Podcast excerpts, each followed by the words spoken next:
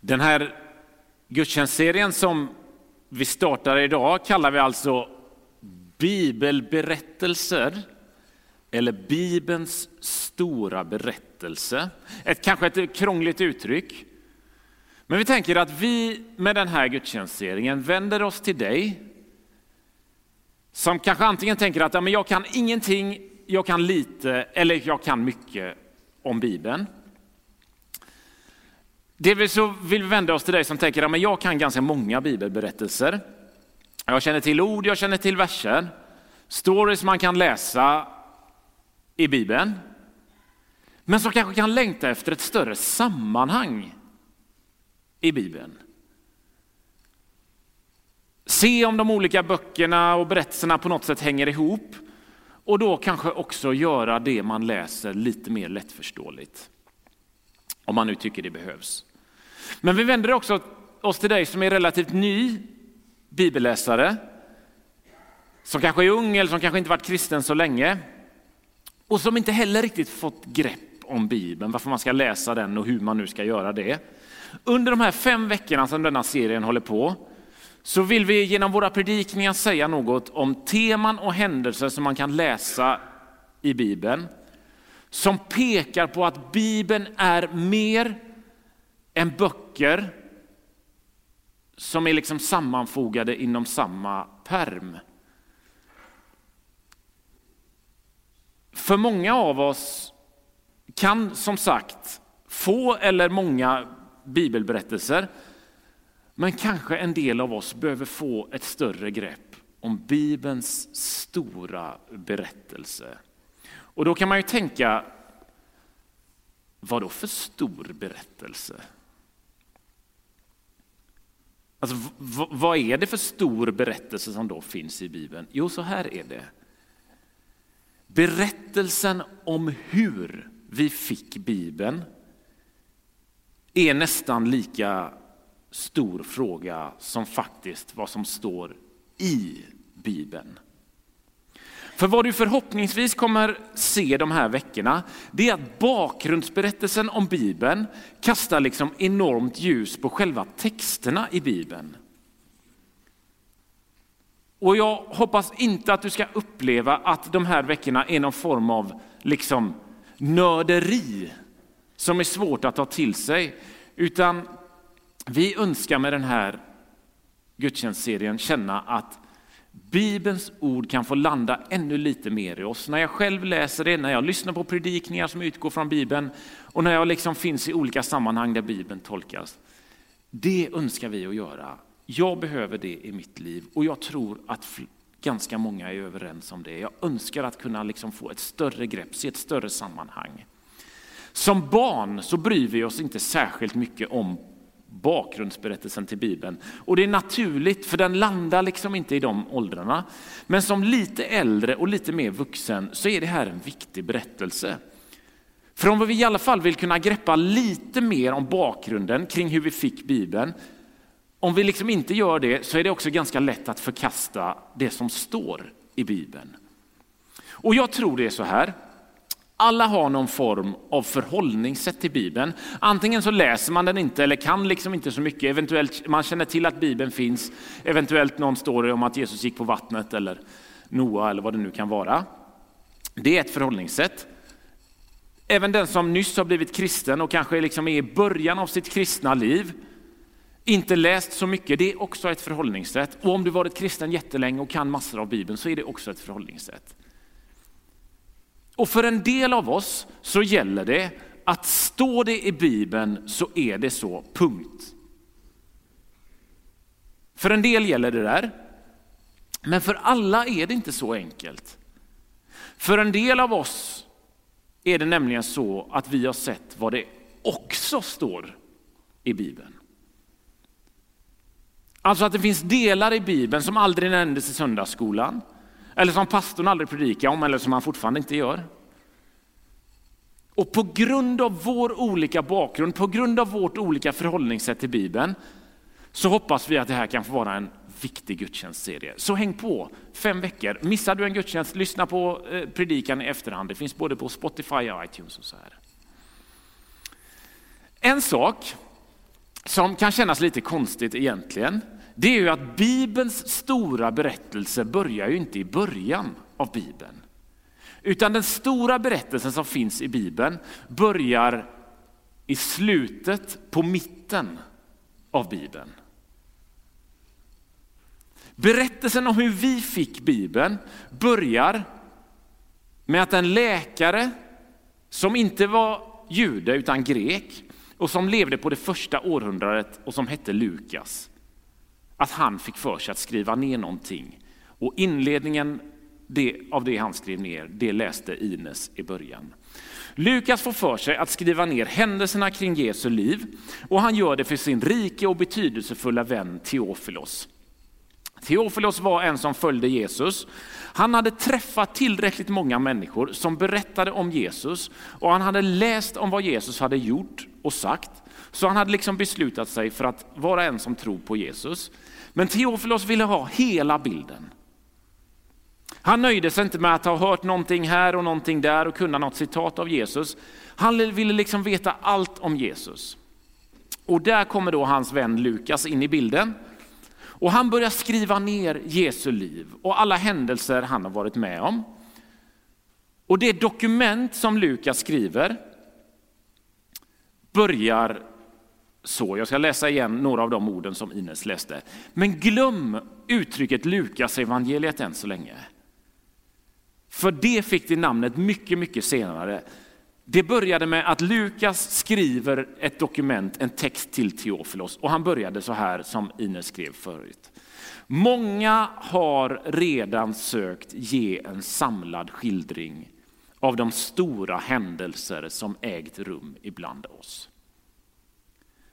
Alltså det har hänt händelser ibland Lukas och andra människor och de händelserna har haft ett sånt intryck på Lukas och andra att de verkar värda att skrivas ner.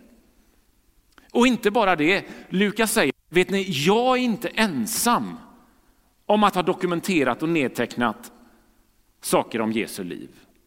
Det är flera som har gjort detta innan mig. Men här, käre Teofilos, ska du få en rejäl genomgång av Jesu liv. Och att flera människor hade skrivit om samma händelse var på den här tiden extremt ovanligt, långt ifrån standard. Det här var verkligen någonting som stack ut, att många människor skrev om samma sak. När det gäller så gamla dokument som texterna som finns i Bibeln, så liksom att det finns, fanns olika skildringar av samma händelse, det var enormt ovanligt. Och så fortsätter Lukas. Efter att grundligt satt mig in i allt ända från början har jag nu också beslutat att i rätt ordning skriva ner det för dig, högt ärade Teofilos. Lukas säger att han också, han också har beslutat sig för att skriva ner händelserna i Jesu liv. Alltså det finns fler som har gjort det. Och när han tilltalar Teofilos så gör han det och säger högt ärade. Det gör att vi nog kan tro att Teofilos kanske var rik, han kanske var en landägare, kanske någon form av makthavare. Men helt klart var han en Jesusföljare som ville veta mer. Och hör nu, för det här är viktigt. När Lukas skriver detta så skriver inte Lukas Bibeln. Alltså när Lukas nedtecknar allt detta för Teofilos, för att han ska få en så god kunskap som möjligt av Jesu liv, så sitter liksom inte Lukas och skriver någonting som han vet flera, flera hundra och tusen år senare ska vara inpackat i fejkskinn, ha olika fotnötter, det ska finnas kartor, det ska finnas info om olika personerna och så vidare. Det fanns liksom inte i Lukas tanke när han skrev det han gjorde.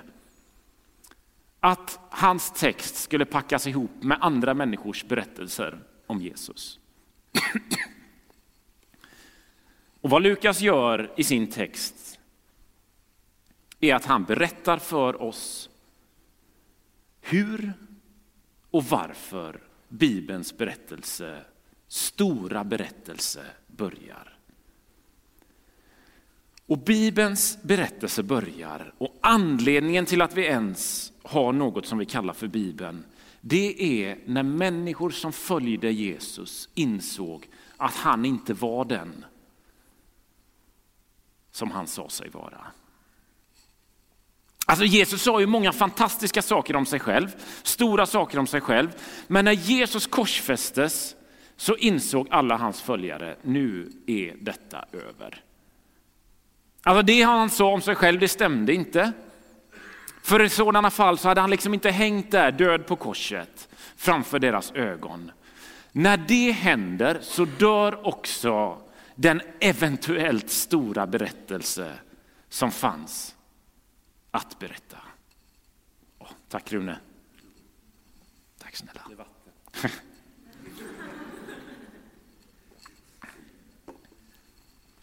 Och när Josef från Arimathea, som Lukas också berättar om, tar ner Jesu kropp från korset för att göra ordning kroppen för begravningen, så är det för att han verkar haft en stor respekt för Jesus och vem han var.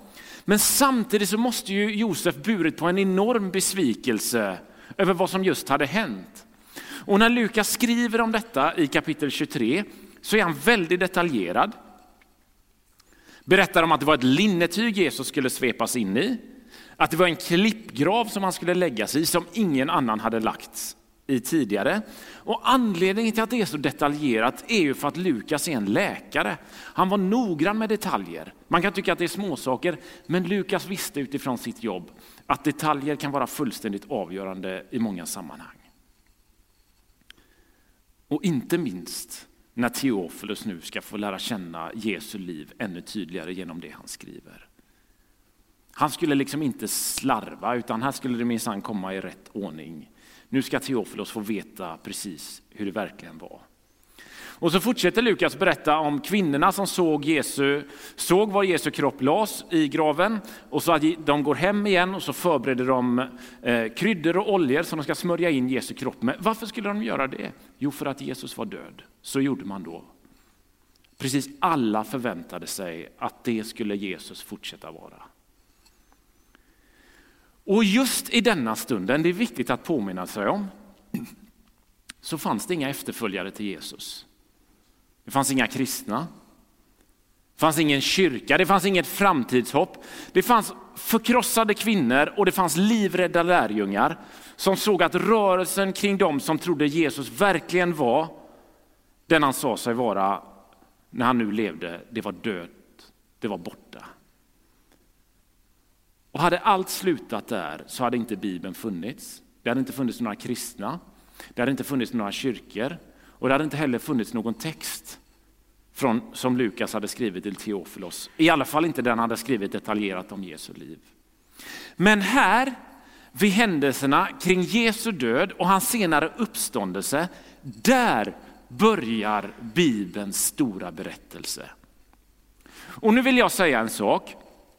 Om du funderar över den kristna trons rimlighet, om du sätter och tänker, kan det verkligen finnas någonting att grunda sig på i den kristna tron och i Bibeln?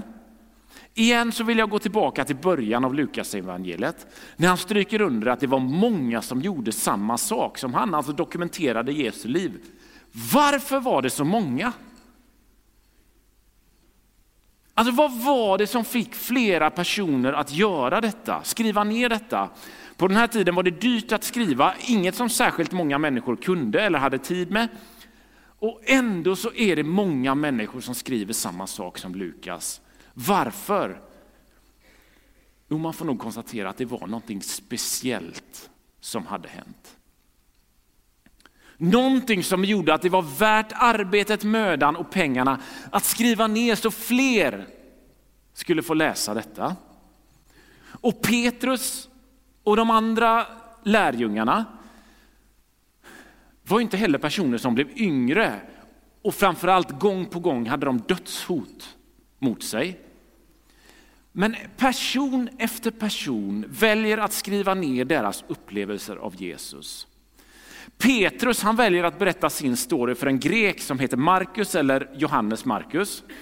Det här finns återberättat av en, av en utombiblisk författare som heter Papius som levde på 100-talet. Som säger att Markus evangeliet är i själva verket egentligen Petrus ord, men nedskrivet av Markus. Petrus kunde troligtvis inte skriva själv. Han var fiskare och det var liksom inte så troligt att på den tiden så kunde fiskare skriva.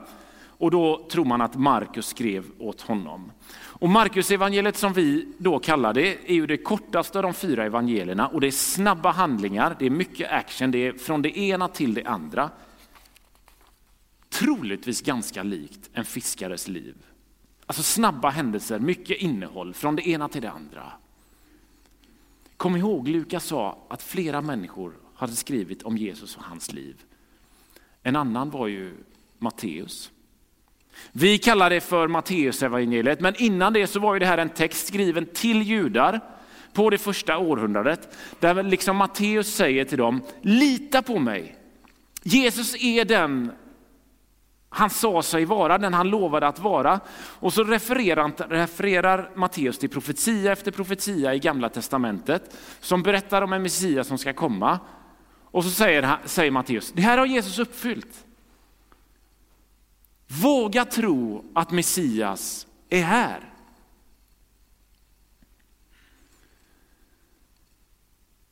Och så finns ju Johannes evangeliet som det heter när vi har det här i. Johannes han tänkte inte heller Bibeln, precis som de andra. Han tänkte inte heller ett evangelium, utan han tänkte precis som de andra. Jag måste skriva ner det jag har sett framför mina ögon. Jag måste också berätta om händelserna kring Jesus för andra människor. Och anledningen till att han väljer att skriva ner ser vi i slutet av hans bok där det står så här. Också många tecken som inte tagits med i denna bok gjorde Jesus i sina lärjungars åsyn. Alltså I hela boken så har Johannes precis gett oss en fantastisk lista av massor av saker som Jesus sagt och gjort. Men ändå så säger han, det finns massor mer. Jag har liksom inte hela berättelsen här, utan Jesus har gjort sak efter sak framför ögonen på sina lärjungar. Och så säger han, allt har inte tagits med i den här boken. Och hör nu när han pratar om denna boken, så är det inte denna boken han pratar om. Utan han refererar till den texten han själv just skrivit. Alltså för någon bibel fanns ju inte när Johannes skrev detta. Men så fortsätter han så här. Men dessa har upptecknats för att ni ska tro att Jesus är Messias, Guds son och för att ni, ska, för att ni genom tro ska ha liv i hans namn. Också Johannes börjar bli till åren när han skriver detta. Och han säger att min tro är fortfarande intakt. Men den hänger inte på vad jag ser runt mig just nu, utan den är grundad på en person jag mött nämligen Jesus Kristus och det jag såg honom göra. Så Johannes säger ju egentligen med de här orden, med min text vill jag tala till kommande generationer, till människor som kommer efter mig så att de kan veta vad jag såg, vad mina händer upplevde. Och jag gör det för att ni, vet ni vad man menar när han säger ni? Det är just ni och vi och jag och du. Han skriver ner detta så att vem som än nu råkar ramla över texten han skriver och finner den ska kunna tro. Han hade ju ingen aning om hur länge den här texten skulle överleva hur långt den skulle spridas. Skulle det hålla en dag? Skulle det hålla en vecka? Skulle den komma till två personer? Han visste ju inte det. Men han kände oavsett så är det jag har upplevt, det jag har sett av Jesus värt att skriva ner så att fler kan få smaka på det. Här börjar Bibelns berättelser. När människor upplever att det finns en berättelse om Jesus som jag bara måste skriva ner. Som är värd enormt mycket för mig och för andra människor. Utan de här händelserna så hade det inte funnits någon bibel. Så när människorna fick se sin mästare lida och dö på korset och då liksom inte vara den som han sa sig vara, vad de trodde, men sedan mot alla odds uppstå från de döda, fortsätta påverka och influera människors liv, då börjar Bibelns stora berättelse som allra, allra mest handlar om Jesus. Och när man sedan kommer till slutet av det första århundradet så började det finnas ganska många kristna. Folk från alla möjliga folkgrupper hade blivit kristna. Framförallt i trakten runt Medelhavet. Och här och var bland dem fanns det folk som hade någon kopia av dokumenten som Matteus, Markus, Lukas och Johannes hade skrivit.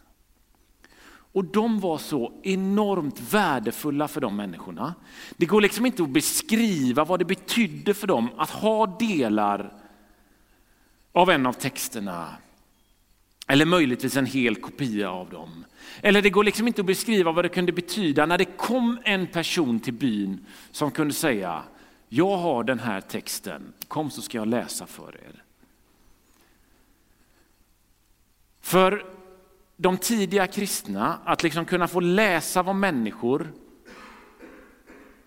skrev som hade mött deras mästare var liksom en enorm näring in i deras tro.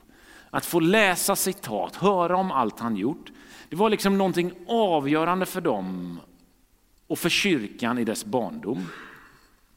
För oss i vår tid, i vårt land,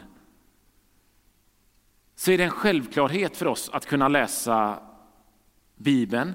Men de här människorna såg det hela på ett annat sätt. Alltså typ 250 år före det fanns en första version av det vi kallar Bibeln, så fanns dessa texterna som gav de tidiga kristna en tydlig bild av Jesus. Och från första början så såg de här fyra böckerna, de var enormt värdefulla. Och de sågs också som väldigt pålitliga. Och det tog inte lång tid innan de sågs som heliga och inspirerade av Gud själv. Och det tog inte heller lång tid för att de här texterna sågs som själva grunden i den unga Jesusrörelse som alldeles nyss hade startats. För att göra en lång historia kort så kan man säga att de kristna var inga populära figurer i romarriket. Jag tror många känner till detta. Massor av saker visar det. Och en av de sakerna som verkligen strök under detta, det var när en kejsare i början av 300-talet beslutade att alla texter som var kristna skulle samlas in och förstöras. Och blev du påkommen med att ha en sån text så var det ofta avrättning som gällde för dig och hela din familj. Och när man hör det så kan man tänka, vilken fruktansvärd verklighet att leva i som kristen. Och jag tänker, hade det varit idag så tror jag mitt val att lämna ifrån mig den där texten hade nog varit enkel. Men för många kristna då så gjorde man inte det, för så värdefulla var de här dokumenten. Med livet som insats i en fruktansvärd förföljelse så försvarar man de här texterna, för man var så övertygad om att i det första århundradet så hade det hänt något i världshistorien som inte kunde mätas med någonting annat. Nämligen de händelser som Matteus, Markus, Lukas och Johannes har skrivit ner om Jesus. Och trots den här förföljelsen så fortsätter den kristna tron att växa. Efter en del år så lättar förföljelsen och det ledde faktiskt till att vi fick den första versionen av det som vi idag kallar vår bibel. Men hur det gick till återkommer vi till längre fram i våra gudstjänster. Hör här, i det som vi kallar bibeln så finns det fantastiska berättelser och händelser om Jesus och andra personer. Och var för sig har de här enorm betydelse och ett laddat innehåll. Men när man ser de här berättelserna i ljuset av den stora berättelsen varför de kom till, hur de kom till, varför de har överlevt förföljelse och andra tuffa tider, så kan man förstå ännu mer vad de här berättelserna betyder. Det kastar liksom ett större ljus över varje bibelberättelse, att Bibelns stora berättelse finns och vad den betyder. Och den handlar allra mest om Jesus. Så om du längtar efter att få lära känna Jesus ännu mer, upptäcka vem han är, hur han kan forma och påverka ditt liv. Om du vill känna kraften i berättelserna som Matteus, Markus, Lukas och Johannes skrev, så läs de olika berättelserna i ljuset av den stora berättelsen som gudstjänsterna kommer handla om de här kommande veckorna. Och läs dem i ljuset av hur de här texterna kom till, bevarades, beskyddades och sedan blev liksom grunden i den kristna tron. Nästa vecka så fortsätter vi den här gudstjänstserien och då börjar vi från första början i Bibeln och den berättelse som finns där och som finns genom hela Bibeln om att vara skapad. Vill du ha helheten så var med nästa söndag och kommande söndag för det kommer ge dig en mycket större förståelse och en mycket större helhet. Nu ber vi tillsammans. Herre, tack för ditt ord. Tack för att det som Lukas och Johannes och Markus och Matteus en gång skrev inte bara var någonting till någon där och då, utan det fick också bli en hälsning in i våra liv. Om vem du är, vad du gör, hur stor du är och att händelserna kring din död och uppståndelse är fullständigt avgörande. Herre, jag ber om att du ska kasta ett större ljus på vår bibelläsning så att vi kan få se ännu mer den stora berättelse du har vävt samman. Som börjar med dig, som utgår från dig. I Jesu namn. Amen.